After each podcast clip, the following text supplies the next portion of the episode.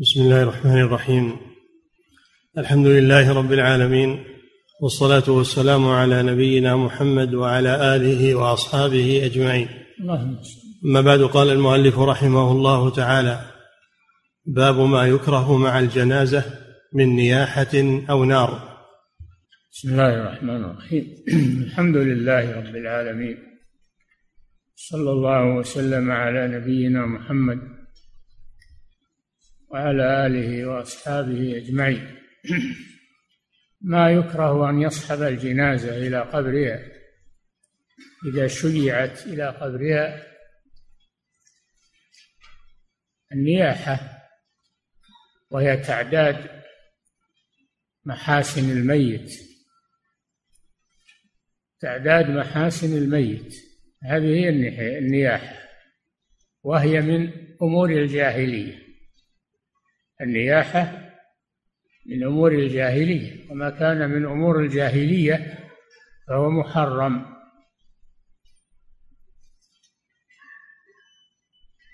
وكذلك رفع الصوت معه بالدعاء أو التسبيح أو التكبير كل هذا من البدع التي ما أنزل الله بها من سلطان.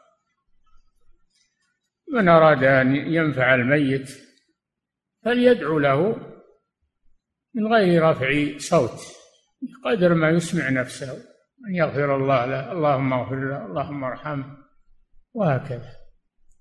لا حاجة إلى رفع الصوت هذا من أمور الجاهلية.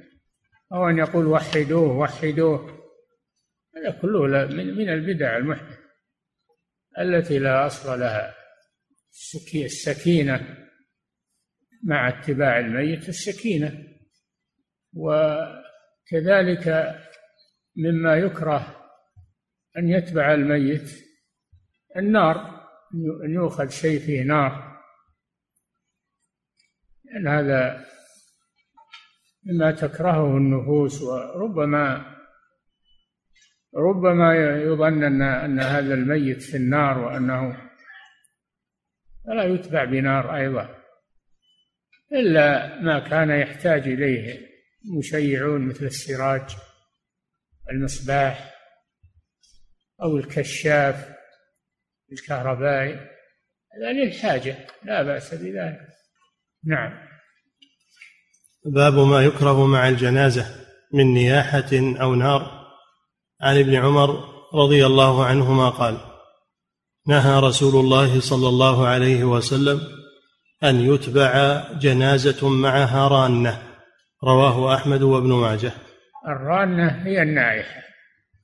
الرانة هي النائحة التي ترفع صوتها بمدح الميت أو تأسف على موته أو التحزن على موته.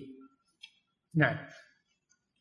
وعن أبي بردة قال أوصى أبو موسى حين حضره الموت فقال لا تتبعوني بمجمر. قالوا أو سمعت فيه شيئا؟ قال نعم من رسول الله صلى الله عليه وسلم رواه ابن ماجه.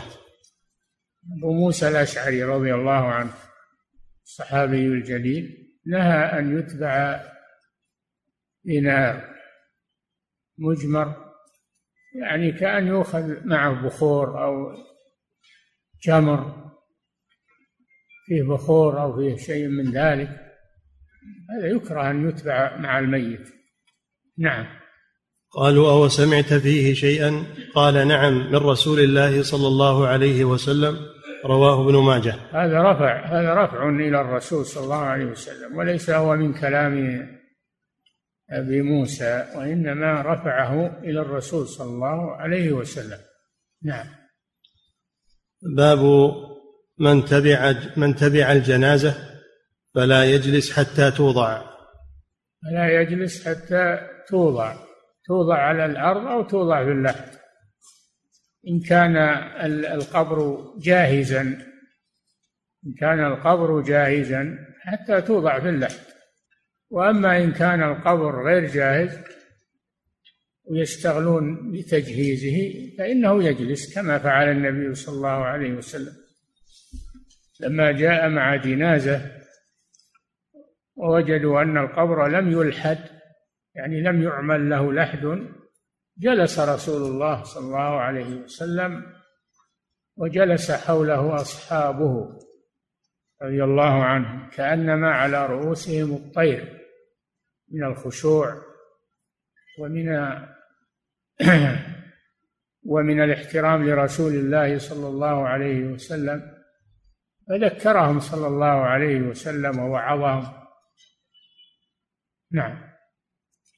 باب من تبع الجنازة فلا يجلس حتى توضع. عن أبي سعيد رضي الله عنه قال قال رسول الله صلى الله عليه وسلم إذا رأيتم الجنازة فقوموا لها. فمن اتبعها فلا يقعد حتى توضع. رواه الجماعة إلا ابن ماجه لكن إنما لأبي داود منه إذا تبعتم الجنازة فلا تجلسوا حتى توضع. نعم. إذا الحديث فيه مسألتان فيه القيام إذا مرت الجنازة والإنسان جالس فإنه يقوم حتى حتى تذهب الجنازة. وإذا تبعها فلا يجلس هذه المسألة الثانية حتى توضع عن الرقاب. نعم.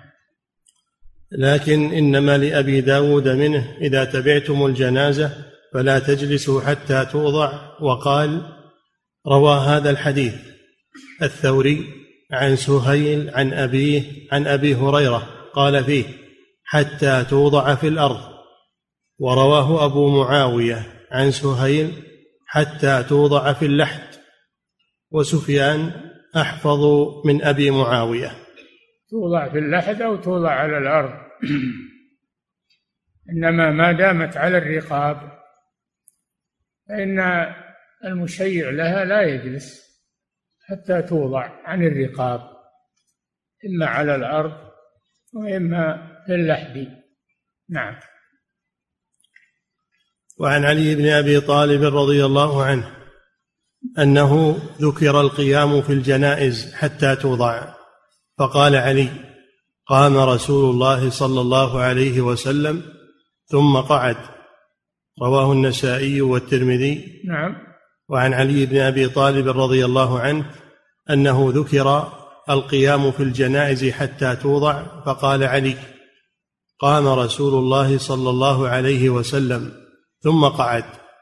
رواه النسائي والترمذي وصححه ولمسلم معناه. نعم.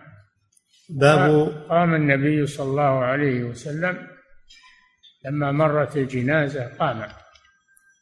فلما ذهبوا بها قعد. نعم. باب ما جاء في القيام للجنازة إذا مرت. نعم. عن ابن عمر عن عامر بن ربيعة عن النبي صلى الله عليه وسلم قال إذا رأيتم الجنازة فقوموا لها حتى تخلفكم أو توضع. رواه الجماعة. ولأحمد وكان ابن عمر إذا رأى جنازة قام حتى تجاوزه. نعم إذا مرت جنازة وهو جالس فإنه لا يستمر قاعدا بل يقوم حتى تذهب الجنازة. نعم. وله أيضا عنه أنه ربما تقدم الجنازة فقعد حتى إذا رآها قد أشرفت قام حتى توضع. عنه ولأحمد وكان ابن عمر إذا رأى جنازة قام حتى تجاوزه وله أيضا عنه. حتى تجاوزه. يعني تتعداه. نعم. وله أيضا عنه أنه ربما تقدم الجنازة فقعد حتى إذا رآها قد أشرفت قام حتى توضع. يعني أنه كان يأتي قبل أن تصل الجنازة. يصل إلى القبر قبل أن تصل الجنازة فيقعد عليه الصلاة والسلام. فإذا جاءت وأقبلت قام صلى الله عليه وسلم. نعم. وعن جابر رضي الله عنه قال ها؟ وعن جابر رضي الله عنه قال مر بنا جنازة. فقال وعن جابر رضي الله عنه قال مر بنا. مر بنا. وعن جابر رضي الله عنه قال مر بنا جنازة. فقام لها النبي صلى الله عليه وسلم وقمنا معه. فقلنا يا رسول الله إنها جنازة يهودي. قال إذا رأيتم الجنازة فقوموا لها. نعم ولو كانت جنازة كافر. ولو لأن الرسول قام مع أن الجنازة جنازة يهودي. فلما ذكروا ذلك أمرهم بالقيام حتى تمر الجنازة. نعم. وعن وعن سهل بن حنيف وقيس بن سعد أنهما كانا قاعدين بالقادسية فمروا عليهما بجنازة فقاما فقيل لهما إنها من أهل الأرض أي من أهل الذمة. فقال إن رسول الله صلى الله عليه وسلم مرت به جنازة فقام. فقيل له إنها جنازة يهودي. فقال أليست نفسا متفق عليهما. نعم ليست نفسا. يعني ولو كانت نفس كافر فيقام عند مرور الجنازة أيا كانت هذه الجنازة. نعم. متفق عليهما. وللبخاري عن ابن أبي ليلى قال كان ابن كان أبو مسعود وقيس يقومان للجنازة. نعم. وعن علي بن أبي طالب رضي الله عنه قال كان رسول الله صلى الله عليه وسلم أمرنا بالقيام في الجنازة ثم جلس بعد ذلك وأمرنا بالجلوس رواه أحمد وأبو داود وابن ماجه بنحوه. يعني إذا مرت يجلسون ما يستمرون واقفين. إذا مرت الجنازة قاموا لها فإذا تجاوزت جلسوا. على حالهم الأولى. نعم. وعن ابن سيرين وعن ابن سيرين أن جنازة مرت بالحسن وابن عباس فقام الحسن ولم يقم ابن عباس فقال الحسن لابن عباس أما قام لها رسول الله صلى الله عليه وسلم؟ فقال قام وقعد. رواه أحمد والنسائي. نعم كأنه يرى كأنه يرى أن أن القيام لها منسوخ. بدليل أن آخر الأمر أن الرسول لم يقم لها فكأنه منسوخ. ولكن الحديث الصحيح أنه ليس بمنسوخ. نعم. أبواب الدفن وأحكام القبور. يعني دفن الميت. دفن الميت كيف يكون؟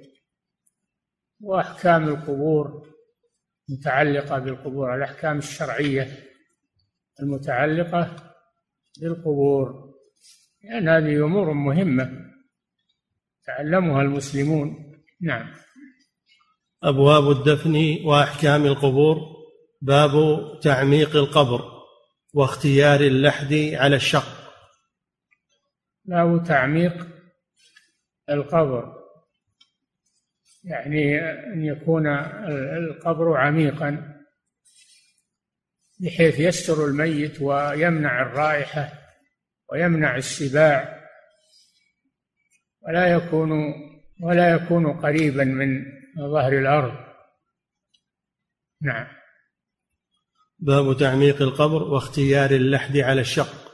اللحد هو ما يكون في جانب القبر. من الجهة من جهة القبلة. في جانب القبر من جهة القبلة. سمي لحدا لميله لأن الإلحاد هو الميل. الإلحاد هو الميل.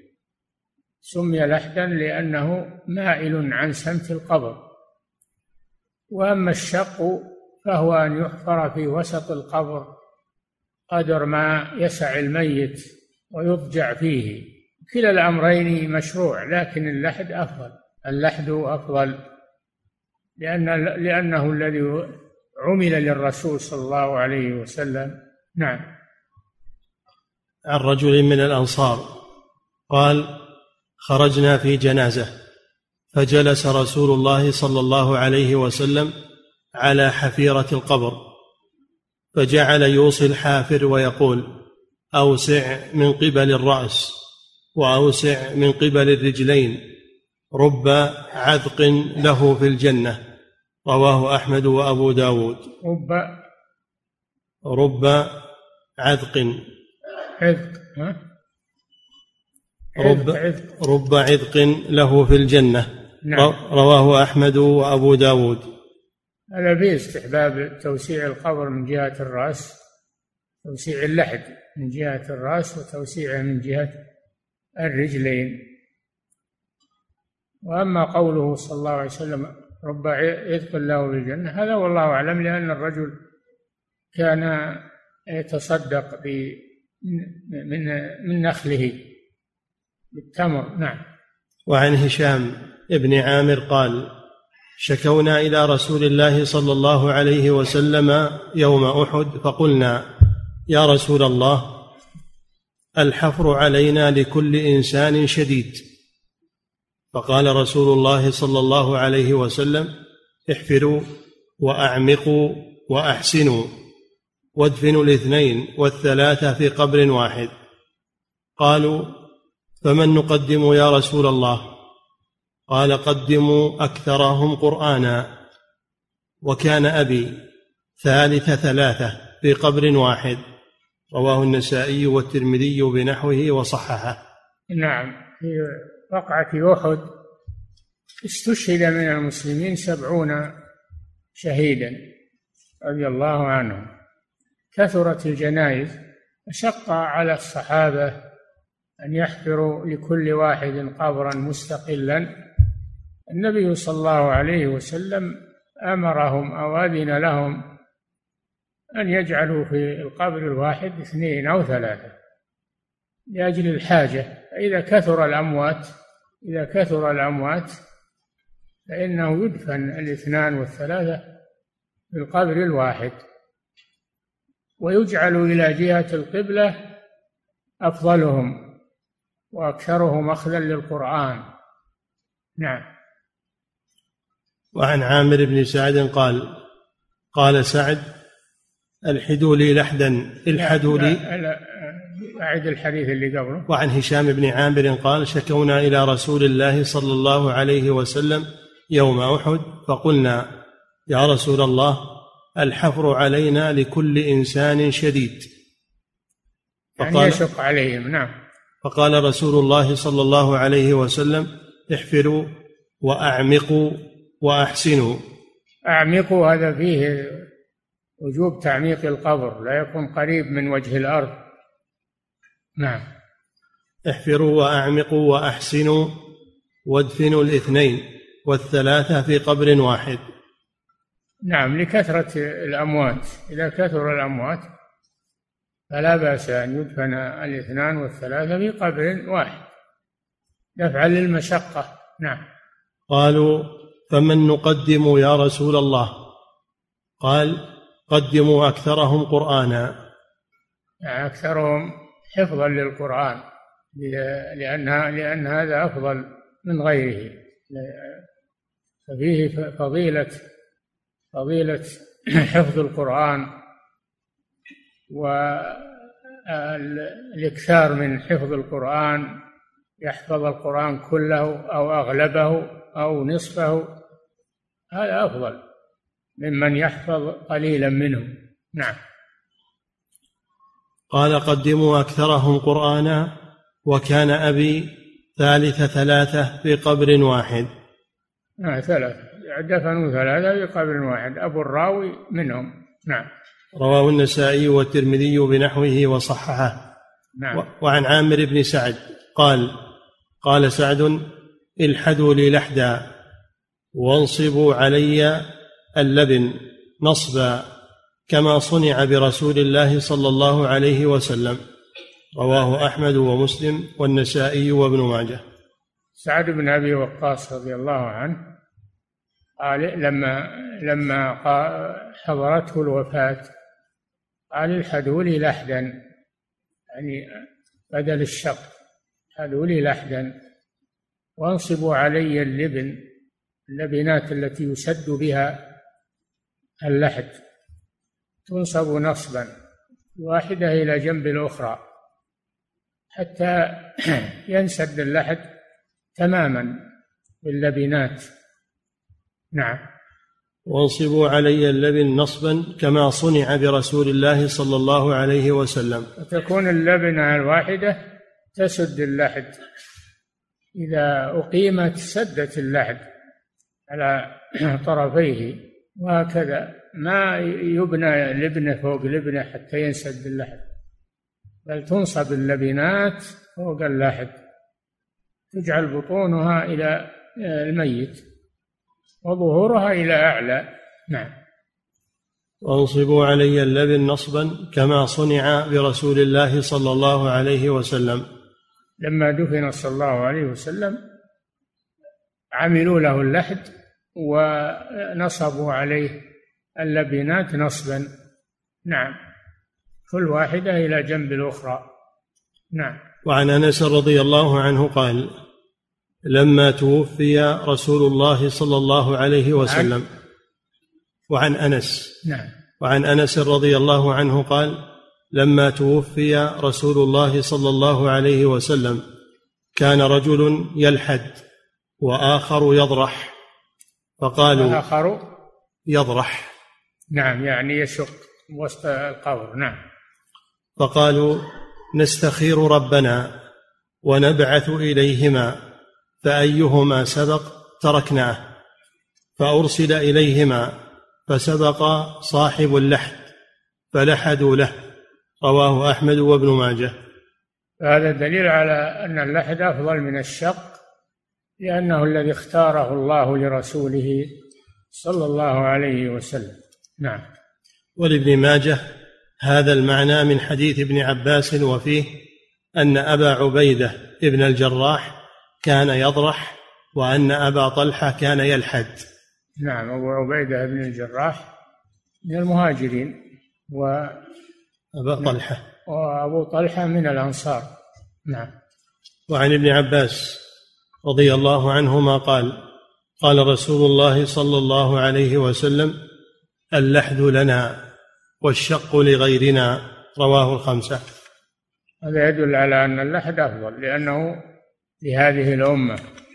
وأما الشق فهو لغيرها من أهل الكتاب وغيرهم. نعم.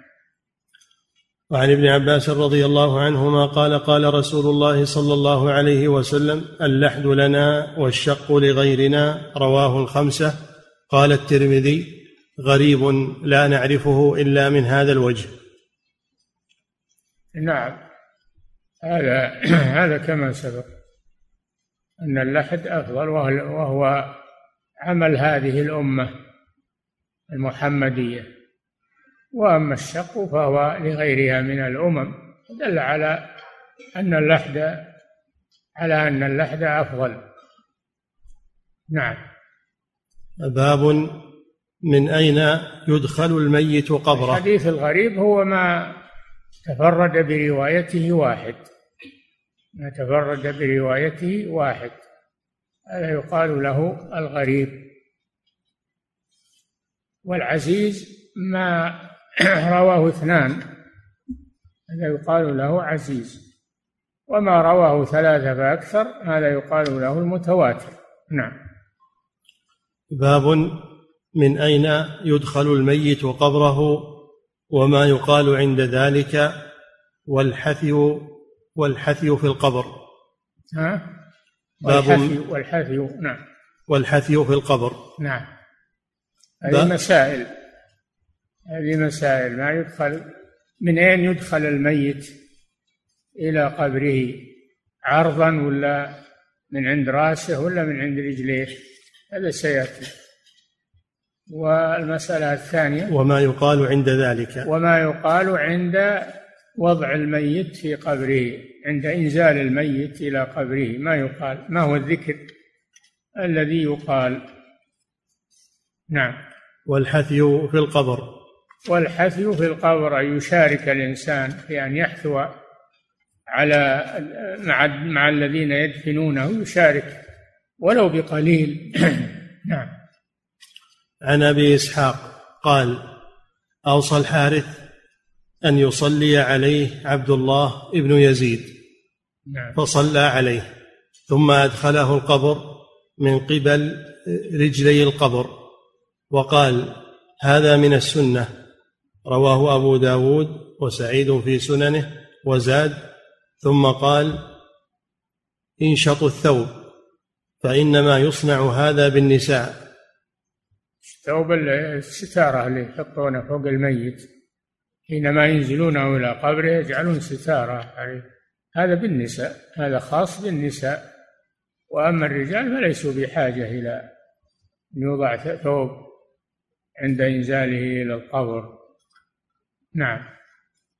وعن ابن عمر عن النبي صلى الله عليه وسلم قال كان إذا وضع الميت في القبر قال بسم الله وعلى هذا الذكر الذي يقال عند إنزال الميت.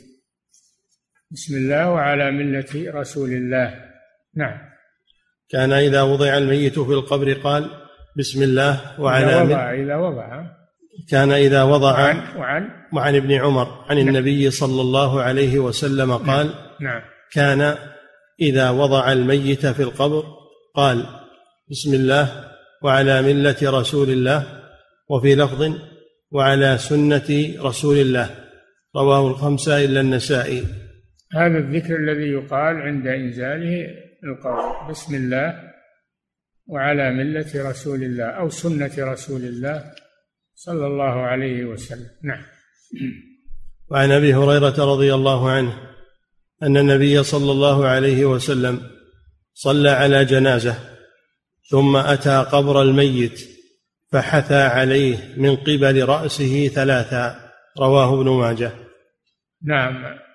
هذا دليل المسألة الثالثة أن الذي يحضر يشارك في دفن الميت ولو بقليل ولو حثية واحدة أو ثلاث حثيات نعم. باب تسنيم القبر ورشه بال... ماذا يصنع بالقبر بعد الفراغ منه. هل يسطح أو يسنم؟ الأفضل أن يسنم. يجعل وسط كالسنام من أجل أن ينزل المطر السيل عنه على جوانبه. أما إذا صار مسطحا فإن الماء يستنقع فوق القبر. فيسنم القبر. هذا هو السنة. نعم. باب تسنيم القبر ورشه بالماء. ورشه بالماء بعد الفراغ من دفنه من أجل أن لا يطير التراب. نعم. وتعليمه ليعرف. تعليمه يعني وضع علامة عليه. ليعرف عند الزيارة. ليعرف عند الزيارة. يوضع عليه حجر يوضع عليه شيء. يعرفه واضعه أن هذا قبر فلان من أجل أن يزوره. نعم. وكراهة البناء والكتابة عليه. كراهة البناء على القبر وقراءة الكتابة عليه. لا يكتب عليه شيء. لا يكتب عليه أي شيء لا اسم الميت ولا يكتب عليه قرآن أو دعاء أو حتى رقم ما يوضع عليه رقم لأن الرقم كتابة. نعم. باب تسنيم القبر ورشه بالماء وتعليمه ليعرف وكراهة البناء والكتابة عليه. نعم. عن سفيان التمار. أنه رأى قبر النبي صلى الله عليه وسلم مسنما. رواه البخاري في صحيحه. نعم يسنم القبر من أجل أن ينزل الماء على جوانبه ولا يجتمع فوق سطحه. نعم هذا و... التسنيم. نعم. وعن القاسم قال دخلت على عائشة فقلت يا أمة اكشفي لي عن قبر النبي صلى الله عليه وسلم وصاحبيه فكشفت له عن ثلاثة قبور لا مشرفة ولا لاطئة. لا مشرفة يعني لا مرتفعة. لا مشرفة يعني لا مرتفعة. هذا دليل على أن القبر لا يرفع رفعا أكثر من ترابه ولا لاطئة. يعني ليست ملتصقة بالأرض بل ترفع ترفع عن الأرض بوضع ترابها عليها حتى يعرف أنه قبر. نعم. ثلاثة قبور لا مشرفة ولا لاطئة مبطوحة ببطحاء العرصة. عرصة. ببطحاء العرصة الحمراء. نعم. موضوع عليها بطحاء. هذا فيه دليل على استحباب أن يوضع على القبر حصبة. حصبة من أجل أن تمنع تطاير التراب فيما بعد. نعم. مبطوحة ببطحاء العرصة الحمراء رواه أبو داود. نعم. وعن أبي الهياج الأسدي عن علي رضي الله عنه قال أبعثك على ما بعثني عليه رسول الله صلى الله عليه وسلم. لا تدع تمثالا إلا طمسته ولا قبرا مشرفا إلا سويته. رواه الجماعة إلا البخاري وابن ماجه. نعم هذا الحديث عن أبي الهياج الأسلم تابعي عن علي رضي الله عنه أنه قال له ألا أبعثك على ما بعثني عليه رسول الله صلى الله عليه وسلم؟ ألا تدع قبرا مشرفا يعني مرتفعا إلا سويته ولا تمثالا إلا طمسته. تمثال الصورة سواء كانت صورة مجسمة أو صورة آه، رسم أو رسما على ورق أو فوتوغرافية لا بد من طمسها لأنها محرم بقاؤها في البيوت. ولا تدخل الملائكة بيتا فيه كلب ولا صورة. تطمس الصور إلا الصور التي يحتاجها الإنسان فإنه يحفظها في مكان لا تظهر يلفها بشيء يجعلها في شيء في بوك في شيء لا تظهر فيه الصورة. وأما أنه يبقيها ظاهرة أو يعلقها على الجدار أو هذا حرام ما يجوز. يجب يجب أن تخلى البيوت من الصور.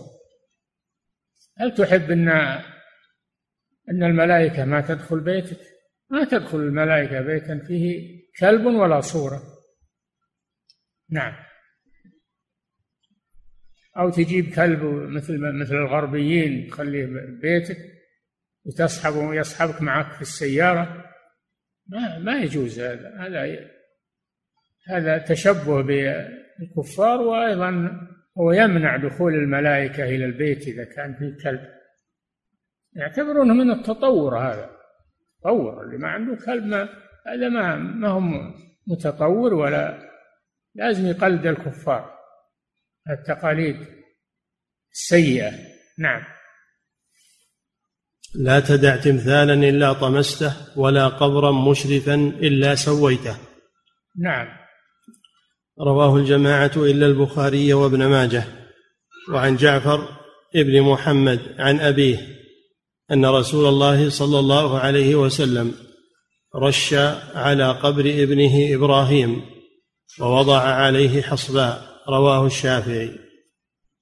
نعم. إبراهيم ابن الرسول صلى الله عليه وسلم توفي وهو صغير. وأمه ماريا القبطية. تسرى بها رسول الله صلى الله عليه وسلم فولدت له إبراهيم ومات صغيرا.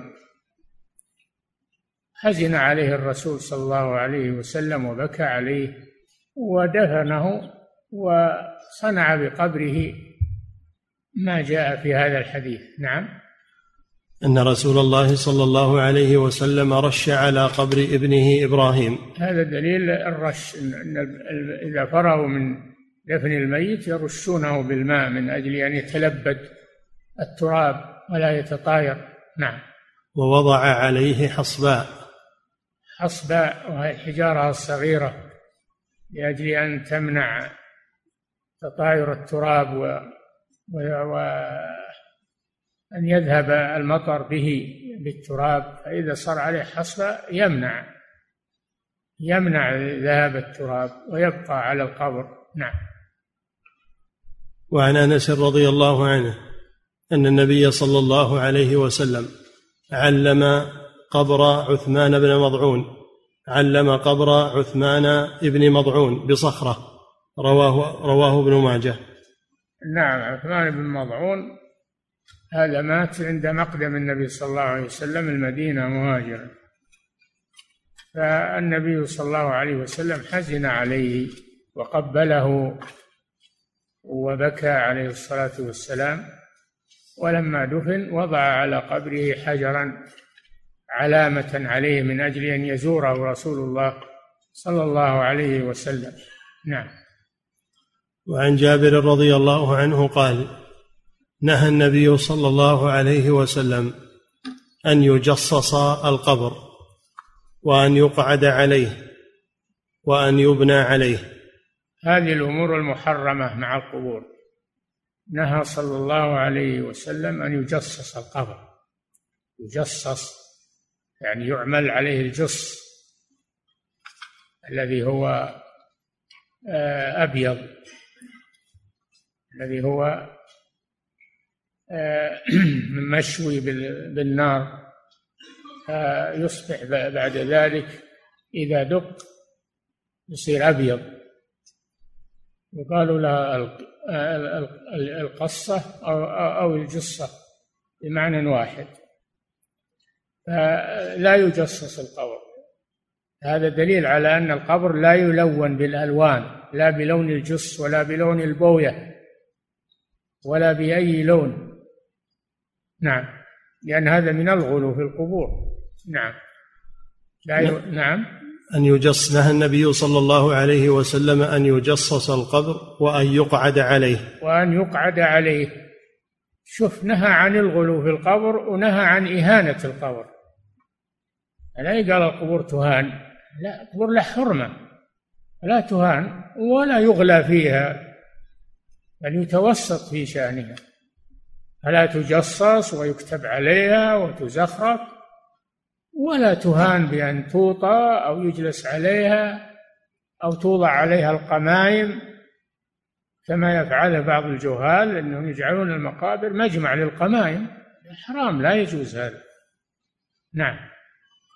نهى أن يجصص القبر وأن يقعد عليه وأن يبنى عليه. وأن يبنى عليه بناء. لأن هذا غلو في القبر وهذا وسيلة إلى الشرك. فلا يبنى على القبر بنية أو قبة أو ضريح كما يفعله القبوريون الآن. الذين يبنون على القبور تعظيما لها. نعم.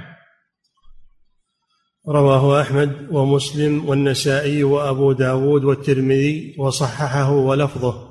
نهى أن تجصص القبور. وأن يكتب عليها. وأن يكتب عليها. ما يكتب عليها شيء لا الاسم ولا شيء من القرآن أو من الأدعية. عموم الكتابة ممنوعة على القبور لأن هذا وسيلة إلى الغلو فيها. نعم. وأن يكتب عليها وأن يبنى عليها وأن توطأ.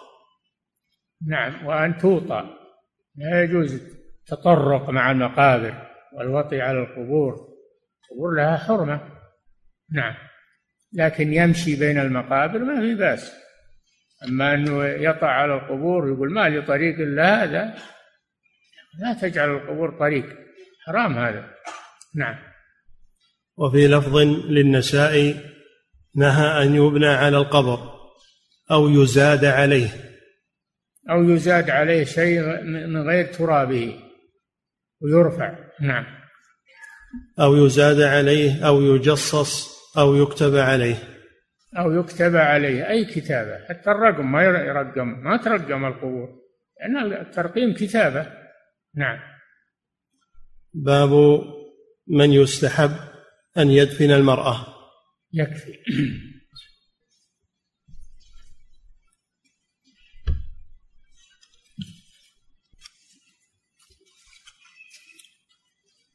فضيلة الشيخ وفقكم الله. في حديث علي رضي الله عنه أن رسول الله صلى الله عليه وسلم قال له ولا تدع صورة إلا طمستها. هل يفهم منه أن جميع الصور تطمس حتى التي في الصحف وفي الكتب؟ المهانة الصور المهانة الملقاة على الأرض لا بأس بها مهانة.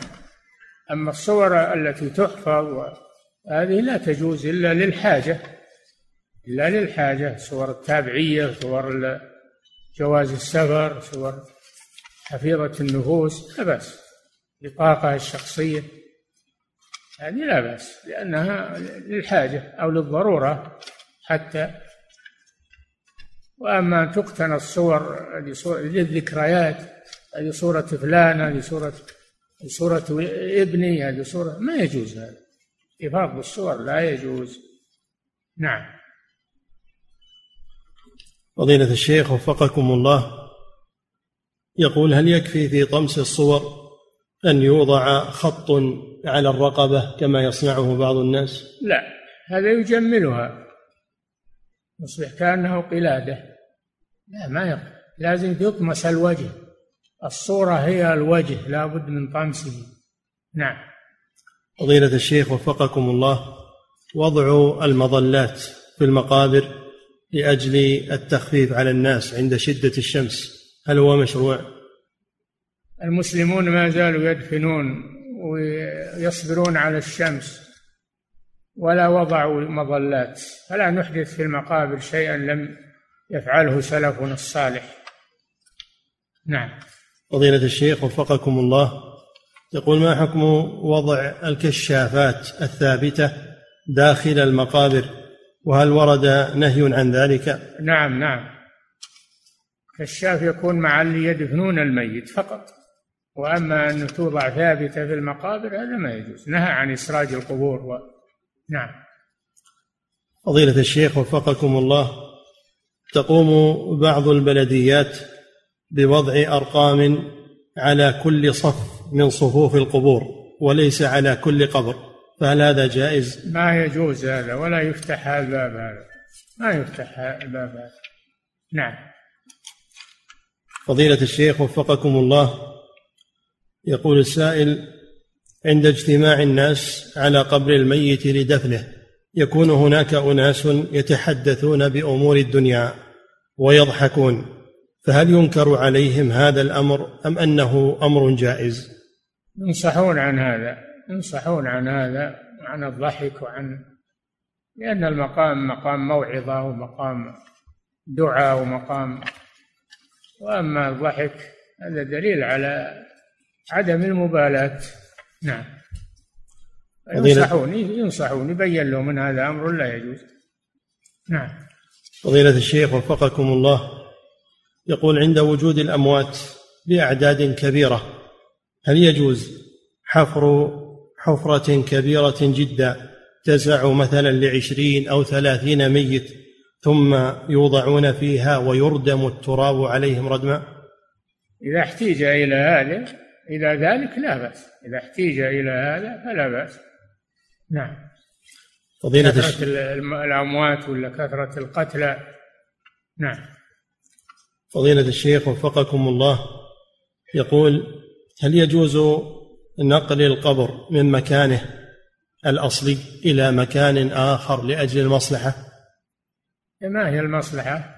القبر ما ينقل إلا لضرورة كأن يطأه الطريق أو مثلا هذا يحتاج. ما تحفر القبور وتنقل إلا بفتوى من من دار الإفتاء. ما كل يتصرف بالقبور وينقل لا. إذا احتيج إلى النقل يكتب لدار الإفتاء. ترسل لجنة تقرر نقل القبور وأن هذا أمر لا بد منه. ما يتلاعب بالقبور. نعم. الميت إذا وضع في قبره ملكة. ملكة ما يجوز أنه يخرج منه. إلا لعذر شرعي يقرره أهل العلم. نعم. فضيلة الشيخ وفقكم الله. هذا سائل من فرنسا يقول توفي عندنا رجل قبل قليل في فرنسا وأسرة الميت قرروا نقله إلى بلده الأصلي الجزائر. سؤاله متى نصلي صلاة الجنازة على هذا الميت؟ قبل نقله أو عند وصوله إلى عند وصوله إذا حضرت الجنازة صلوا عليها قبل الدفن. نعم.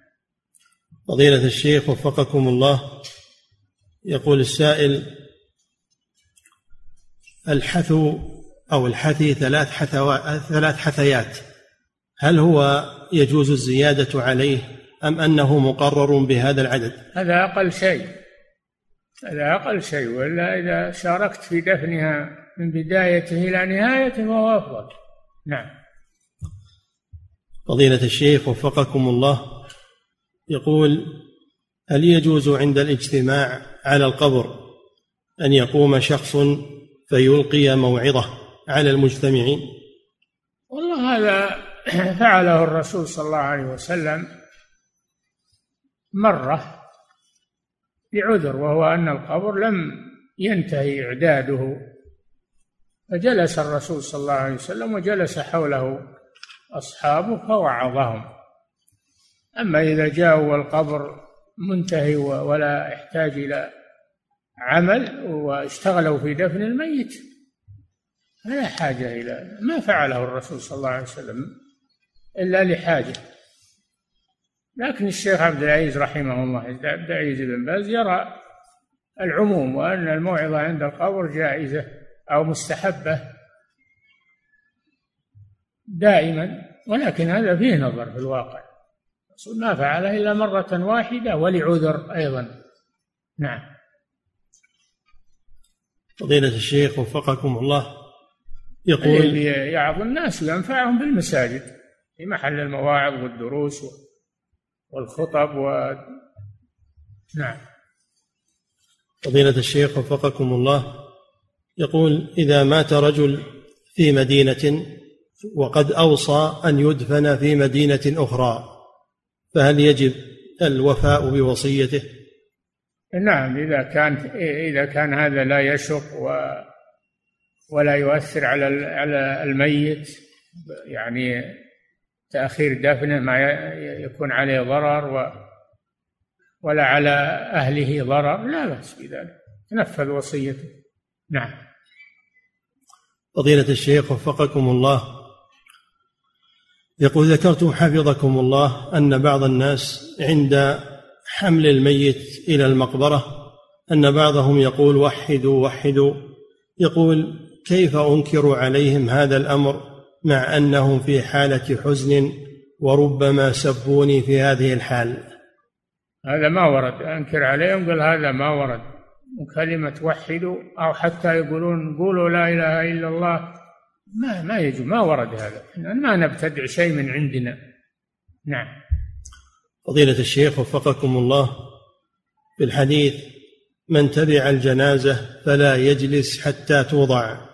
هل النهي هنا للتحريم فلا يجوز له الجلوس؟ يكره يكره له الجلوس. هو بيدل على التحريم يدل على الكراهية. نعم. فضيلة الشيخ وفقكم الله يقول نكون جلوسا في المسجد فيؤتى بالجنازة ونحن جالسين ونحن جالسون فهل نقوم في هذا المسجد ونحن ننتظر الصلاة؟ لا هذا في الطريق ما هو في المسجد. هذا إذا مرت في الطريق أو مع الشارع أما في المسجد لا. فضيلة الشيخ وفقكم الله يقول السائل ما حكم ما يفعله بعض الناس عند موت أحد الفضلاء؟ يقوم فيقول فقدنا فلانا الذي من أعماله كذا وكذا. ويمدحه ويذكر أوصافه فهل هذا من النياحة؟ نعم هذا يدخل في النياحة يدعو له استغفر له يدعو له هذا اللي ينفع الميت أما مدحه هذا ما ينفع الميت فربما يضره. نعم. فضيلة الشيخ وفقكم الله من كان مشغولا بالتجارة فمرت بجانبه جنازة وهو في المحل فهل عليه أن يغلق محله احتراما لها أو يمكنه أن يواصل بيعه وشراءه؟ أصل بيعه وشراءه لكن إذا كان جالسا ومرت يقوم حتى تتعداه. نعم. فضيلة الشيخ وفقكم الله إذا دفن أكثر من واحد في قبر فهل يوضع بينهم حاجز أم ماذا يصنع؟ يوضع حاجز بحيث ان إن الميت ما يتمايل أو عن عن وضعه. إذا كان الميت يتواضع يتمايل عن وضعه فإنه يوضع ما يثبته. أما ما دام إنه ثابت فلا حاجة. نعم. فضيلة الشيخ وفقكم الله إذا احتيج إلى دفن أكثر من ميت في قبر واحد فهل يجوز أن يدفن الرجل مع المرأة في قبر واحد؟ لا بأس. إذا الحاجة لا بأس. نعم. فضيلة الشيخ وفقكم الله. يقول السائل في بلدنا عند دفن ميت فإنه تنصب خيمة قريبة من المقبرة لأجل الحراسة فيقوم مجموعة من أهل القرية بالحراسة لمدة ثلاثة أيام خوفا من النباش بزعمهم فهل هذا جائز؟ إذا كان هذا واقع أنها تنبش عليها خوف لا بأس. أما إذا كان ما عليها خوف فلا حاجة إلى نعم. فضيلة الشيخ وفقكم الله يقول السائل عندنا الأرض صلبة بحيث لا نستطيع الحفر عميقا. لذلك فإن عادة البلد أنهم يرفعون القبر بالحجارة حماية له من العبث به. فهل هذا جائز؟ نعم إذا كان الحفر يشق يحتاج إلى بناء عليه حجرة ولا ما أشبه ذلك؟ يسمونها السقية لا بأس بذلك. نعم. فضيلة الشيخ وفقكم الله يقول السائل هل يجوز اتباع جنازة المبتدع سواء كانت البدعة مكثرة أم مفسقة؟ مكفرة لا أما إذا كانت ما هي مكفرة وهو مسلم فلا بأس. تتبع جنازته. لأنه مسلم. نعم. فضيلة الشيخ وفقكم الله يقول هل ورد قراءة هذه الآية؟ منها خلقناكم وفيها نعيدكم ومنها نخرجكم تارة أخرى قراءتها عند الحثي على قبر الميت. يحتاج إلى دليل. هذا يحتاج إلى دليل. القراءة عند القبور بدعة. ما ورد فيها دليل؟ نعم. فضيلة الشيخ وفقكم الله يقول هل يجب وضع الستارة على القبر عند دفن المرأة؟ إي نعم أحسن هذا أحسن. المرأة لا بأس. يغطى قبرها عند إنزالها إلى اللحد. نعم. فضيلة الشيخ وفقكم الله.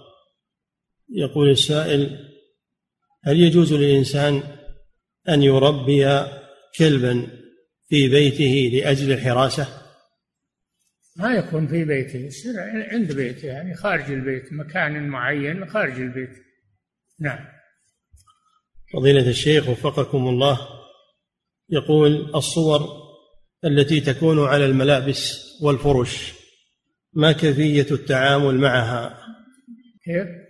الصور التي تكون على على الملابس لا وال... تشري لا تشري الثوب اللي فيه صور. لا تشريه. نعم. كذلك الفرش. الفرش لا تشري الفراش اللي فيه صور. نعم. فضيلة الشيخ وفقكم الله يقول هل يجوز للأطفال خاصة أن يشترى لهم ملابس فيها صور؟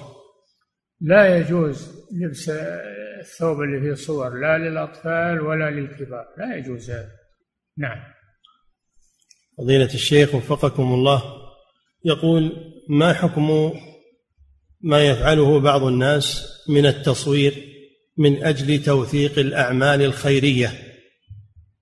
كيف؟ يقول ما ما حكم ما يفعله بعض الناس أو بعض الجهات من التصوير من أجل توثيق الأعمال الخيرية؟ التصوير لا يجوز. النبي صلى الله عليه وسلم لعن المصورين وأخبر أنهم أشد الناس عذابا يوم القيامة وأن من صور صورة كلف ان ينفخ فيها الروح وليس بنافخ. وعيد شديد في هذا. لكن التصوير الذي يرخص فيه للضرورة هذا لا بأس به. للضرورة. نعم. قال جل وعلا إلا ما اضطررتم إليه. نعم. فضيلة الشيخ وفقكم الله. يقول السائل بعض طلبة العلم. نعم. يقول بعض طلبة العلم. يقول إن الملكين اللذين يكتبان الحسنات والسيئات لا يفارقان صاحبهما ولو كان في البيت صورة وإنما يفارقه الملائكة الذين بين يديه ومن خلفه. يقول هل هذا التفصيل صحيح؟ الله أعلم. إذا كان عنده دليل على هذا. نعم. فضيلة الشيخ وفقكم الله يقول السائل من سبق الجنازة إلى المقبرة فهل يقال إنه متبع للجنازة؟ إذا كان الذهاب للمقبرة من أجل تشييع الجنازة نعم فلا بأس. نعم. فضيلة الشيخ وفقكم الله يقول السائل عند زيارة القبر هل يستحب الوقوف عند قبر الشخص المعين المراد الدعاء له أم أنه يقف عند بوابة المقبرة؟ ويدعو لجميع الموتى. الأمران الأمران مشروعان أنه يدعو لجميع الموتى عند المرور بالمقبرة أو دخول المقبرة ثم يذهب إلى القبر الذي يريده ويجلس عنده ويدعو له يسلم عليه ويدعو له. نعم. فضيلة الشيخ وفقكم الله يقول ما الحد الجائز في ارتفاع في ارتفاع القبر؟ قدر شبر. يقولون قدر شبر. نعم. فضيلة الشيخ وفقكم الله هل يجوز للإنسان أن يصلي على جنازة في المسجد ثم إذا تبعها إلى المقبرة صلى عليها مرة أخرى في المقبرة؟ لا يكفي. إذا صلى عليها يكفي ما يكرر الصلاة عليها. نعم يصلي عليها في المقبرة اللي ما صلى عليها من قبل. نعم. فضيلة الشيخ وفقكم الله يقول السائل من مر على أو من من وطئ على قبر وهو لا يدري فما كفارة فعله؟ صار ما يدري ما هو مواخذ نعم. لا يحتاج كفارة لأنه ما هو مواخذ ما يدري. نعم. فضيلة الشيخ وفقكم الله يقول هل التلفاز داخل البيت وما فيه من صور يمنع دخول الملائكة؟ هذه ما هي بثابتة هذه ما هي بصور ثابتة تزول. ما هي ما هي بثابتة. إذا غلقت التلفاز راحت. نعم. فضيلة الشيخ وفقكم الله يقول السائل بعض الناس يصور في الجوال صورا ثم لأبنائه ثم يحفظ هذه الصور في الجوال. فهل هذا الأمر جائز؟ لا ما هو جائز إذا حفظها ما هو جائز لا يجوز له يصورهم في الجوال ولا بغيره ما يجوز يصورهم نعم. فضيلة الشيخ وفقكم الله يقول إذا بني على قبر أو جلس عليه فهل يتضرر بذلك الميت أم أن الإثم على الفاعل؟ إهانة هذا إهانة للقبر إهانة للميت. تعدي عليه ما يجوز. نعم. فضيلة الشيخ وفقكم الله يقول ما الحكم لو ربط على إحدى نصائب القبر ربط خيط أو شماغ أو غير ذلك حتى يعرف؟ هل هو جائز؟ لا ما ما ما يجوز هذا. تعليم ما هو بخرقة ولا تعليم يكون حصاة توضع عليه يخط عنده خط أو ما أشبه ذلك. نعم. فضيلة الشيخ وفقكم الله هل يجوز أن يوضع على القبر بدلا من الحصباء أن يوضع الإسمنت دون رفعه أو البناء عليه؟ لا. لا ما يجوز. الإسمنت محرق بالنار أيضا ما يجوز. نعم. فضيلة الشيخ وفقكم الله يقول السائل إذا رضي الشخص أن يصور فهل يكون إثمه كإثم المصور؟ نعم. هذا من التعاون على الإثم والعدوان. نعم. فضيلة الشيخ وفقكم الله يقول هل الموعظة في المسجد بين الأذان والإقامة أثناء انتظار الناس للصلاة على الجنازة هل هو أمر مشروع؟ إيش؟ هل الموعظة في المسجد بين الأذان والإقامة وهم ينتظرون الصلاة على الجنائز هل هو أمر مشروع؟ إذا كان هذا خاصا بالجنازة ما يجوز هذا أما إذا كان عادته أنه يذكر الحاضرين بين الإقامة والأذان لا بأس أما أنه خاص بالميت ما يجوز. هذا نعم. فضيلة الشيخ وفقكم الله يقول السائل والدي كبير في السن ومريض ومقعد ويصلي في البيت. يطلب مني أن أصلي به داخل المنزل ويغضب إن لم أصلي به وذهبت إلى المسجد. يقول ما الواجب علي؟ هل يجب علي أن أذهب إلى المسجد وأصلي مع الجماعة أم أجلس وأصلي معه في المنزل؟ لا علم أن هذا ما يجوز إنك تخلف عن المسجد وأنت مالك عذر. من سمع النداء فلم يأته فلا صلاة له إلا من عذر. هذا ما هو بعذر. الوالد معذور يصلي بالبيت. الوالد معذور هذا خاص بالمعذور. الوالد يصلي بالبيت لأنه معذور. ولا يمنعك من الصلاة في المسجد. نعم. بلغ إن هذا ما يجوز له. نعم.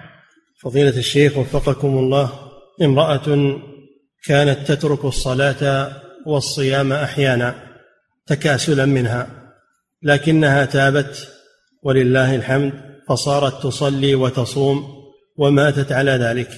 ابنها يسأل فيقول هل يقضي عنها الصوم والصلاة التي لا, لا ما يقضي عنها. ما دامت تابت إلى الله وحافظت على الصيام والصلاة وماتت على ذلك يغفر الله لها إن شاء الله. نعم. فضيلة الشيخ وفقكم الله يقول السائل ما الواجب على الآباء في تربية أبنائهم في هذه الفتن المتزايدة. ما في شك الخطر عظيم الآن على العوائل وعلى يجب على أصحاب البيوت أن يهتموا بأولادهم وبناتهم يحافظون عليهم. غاية المحافظة لأن الخطر شديد واللي يتخطفون الآن آه، الأطفال وكثيرون حتى الكبار. يخطفونهم ويغسلون أدمغتهم. الحذر شديد اليوم. يجب على المسلمين أن يتحاذروا من دعاة الضلال ومن دعاة الفتنة وأن يحرصوا على أولادهم ويتفقدوا أولادهم. نعم. فضيلة الشيخ وفقكم الله. يقول السائل إذا ضاقت المقبرة فهل يجوز نبش القبور القديمة؟ إذا ضاقت المقبرة فهل يجوز نبش القبور القديمة وجمعها في قبر واحد؟ يا أخي الأرض واسعة الحمد لله. وأرض الله واسعة. يجعل مقبرة ثانية. إذا ضاقت مقبرة تختم ويجعل مقبرة ثانية. نعم. فضيلة الشيخ وفقكم الله يقول تقول السائلة هل لطالبة العلم إذا كانت حائضا أن تتوضأ لحضور الدرس فتدخل المسجد؟ هل هل لطالبة العلم إذا كانت حائضا أن تتوضأ ثم تدخل المسجد لحضور الدرس أم أنها لا يجوز لها الدخول أصلا فتجلس بالخارج؟ نعم ما, تجلس في المسجد ولو توضأت لأن هذا ما هو ما هو بأمر ملزم. والحمد لله مكبر الصوت يصلها. تجلس في السيارة أو أو في مكان مأمون تسمع الدرس. نعم. فضيلة الشيخ وفقكم الله يقول في بعض البلدان لا يدفن الميت وإنما توضع الجنائز في أبنية وحجر ثم بعد مضي سنة توضع في هذه الحجرة جنازة أخرى فهل يجوز هذا العمل؟ نعم يكف تكف العظام إلى جانب الحجرة ويوضع الأموات في المكان الذي ليس فيه أموات قبلها وهكذا نعم فضيلة الشيخ وفقكم الله يقول السائل هل ورد أن الميت يشعر بمن يزوره عند قبره. الله أعلم. الله أعلم. نعم. مشروع زيارة القبور والسلام على الأموات. وأما أن الميت يدري أو الله أعلم. نعم. فضيلة الشيخ وفقكم الله. يقول إنسان من غير أهل مكة اعتمر في رمضان ثم حل من عمرته. وجلس في مكة إلى وقت الحج. يريد نسك التمتع فهل تلزمه عمرة أخرى غير عمرة رمضان أم هي كافية؟ لا لا, لا ما ما تدخل عمرة رمضان ما تدخل في التمتع. العمرة لابد أن تكون في أشهر الحج. تكون في أشهر الحج في شوال في ذي القعدة في في ذي الحجة أما في رمضان لا. هذه خارج أشهر الحج فلا يكون متمتعا. نعم. يقول حفظك الله وإن كان عليه عمرة أخرى فمن أين يحرم للعمرة؟ يقول وإذا كان عليه عمرة إذا كان يريد أن يعتمر وهو في داخل مكة يخرج إلى الحل إلى الجعرانة إلى التنعيم. إلى آه، خارج الحرم ويحرم بالعمرة. نعم. فضيلة الشيخ وفقكم الله يقول السائل عند الدعاء للميت عند زيارة قبره. يقول عند إرادة الدعاء للميت عند زيارة قبره هل يدعو الداعي وهو قائم أم له أن يجلس؟ يخير يخير قائم أو يجلس ما في معنى. نعم. فضيلة الشيخ وفقكم الله يقول السائل رجل عليه دين ولا يملك من المال إلا مكتبة فيها كتب ويريد أن يبيعها ليسدد ديونه لكن في هذه المكتبة التي عنده كتب قد أخذها من وزارة الأوقاف. فهل يجوز له أن يبيع هذه الكتب لتسديد ديونه؟ إذا كان مكتوب عليها وقف لا يبيعها أما إذا كان ما كتب عليها وقف يجوز له أن يبيعها نعم فضيلة الشيخ وفقكم الله يقول السائل أخ لي محتاج وهو فقير فهل يجوز لي أن أعطيه الزكاة التي أخرجها من مالي عن عامين مقدما؟ نعم يجوز تقديم الزكاة بحولين فأقل. يجوز. إذا احتيج إلى هذا لا بأس. وإخراجها للقريب أفضل من إخراجها لغيره لأنها صدقة وصلة. نعم.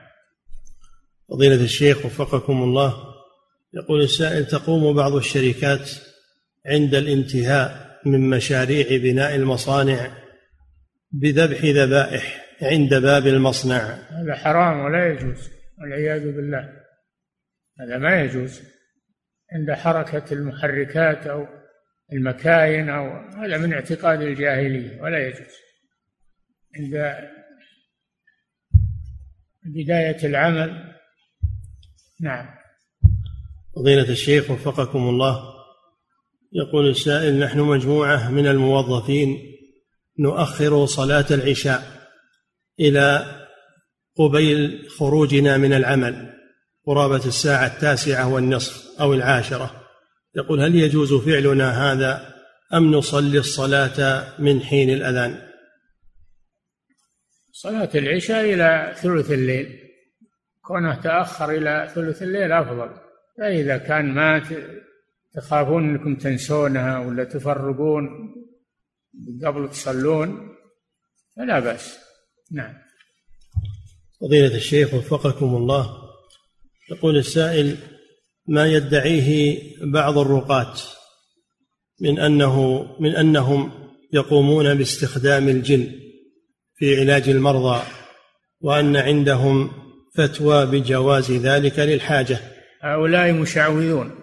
ولا يجوز أن يعالج عندهم ولا يسترقى عندهم. هذولا مشعوذون ويريدون أخذ الأموال جذب الزبائن وربما يكونون جهالا ما يعرفون الرقية ولا يعرفون. يبون فلوس بس لا يجوز مثل هذا. نعم. فضيلة الشيخ وفقكم الله يقول السائل ادعى بعض الباحثين في مواقع التواصل الاجتماعي يقول ادعى أن الشمس في الحقيقة هي جهنم والنار الواردة. يقول هل ما ذكره له وجه؟ شلون؟ الشمس هي جهنم؟ نعم. الشمس كوكب من الكواكب. ما هي بجهنم. جهنم في سجين تحت الأرض السابعة. جهنم في سجين تحت الأرض السابعة. وأما الشمس فهي في السماء وهي كوكب من الكواكب وهي سراج للكون. نعم. فضيلة الشيخ وفقكم الله. يقول السائل عند الوضوء وغسل القدم. أه؟ يقول عند الوضوء وغسل القدم. هل يجوز للإنسان أن يقوم بتنشيف قدمه اليمنى ثم بعد ذلك يغسل اليسرى. نظرا. هو محتاج أنه ينشف اليمنى. إذا كان لهذا حاجة فلا بأس. أما إذا كان ما ما هناك حاجة فيستكمل الوضوء أولا ثم يتنشف. نعم. فضيلة الشيخ وفقكم الله يقول السائل سافرت من أمريكا إلى الرياض في الست من شوال. يقول فصمت ثم لم أفطر حتى جاء اليوم الثاني وأفطرت. نعم يقول سافرت من أمريكا إلى الرياض وأنا صائم الست من شوال. يقول ولم أفطر حتى جاء اليوم الثاني دخل علي اليوم الثاني. ما دام تشوف الشمس ما دام ترى الشمس ما تفطر لما تغرب الشمس. نعم. فضيلة الشيخ وفقكم الله يقول من فاتته صلاة الفجر مع الجماعة ولم يقم من نومه حتى خرج الوقت فهل يبدأ بسنة الفجر أم يصلي صلاة الفجر مباشرة؟ صلي راتبة الفجر قبلها. الرسول لما ناموا عن صلاة الفجر في بعض الأسفار انتقل من هذا المكان إلى مكان آخر ثم صلوا الراتبة ثم صلى بهم رسول الله صلى الله عليه وسلم صلاة الفجر. نعم. فضيلة الشيخ وفقكم الله يقول في حديث الرسول صلى الله عليه وسلم ما من يوم إلا وينزل فيه ملكان. يقول أحدهما اللهم أعط منفقا خلفا. ويقول الآخر اللهم أعط ممسكا تلفا. يقول لو تصدقت مثلا بمئة وخمسين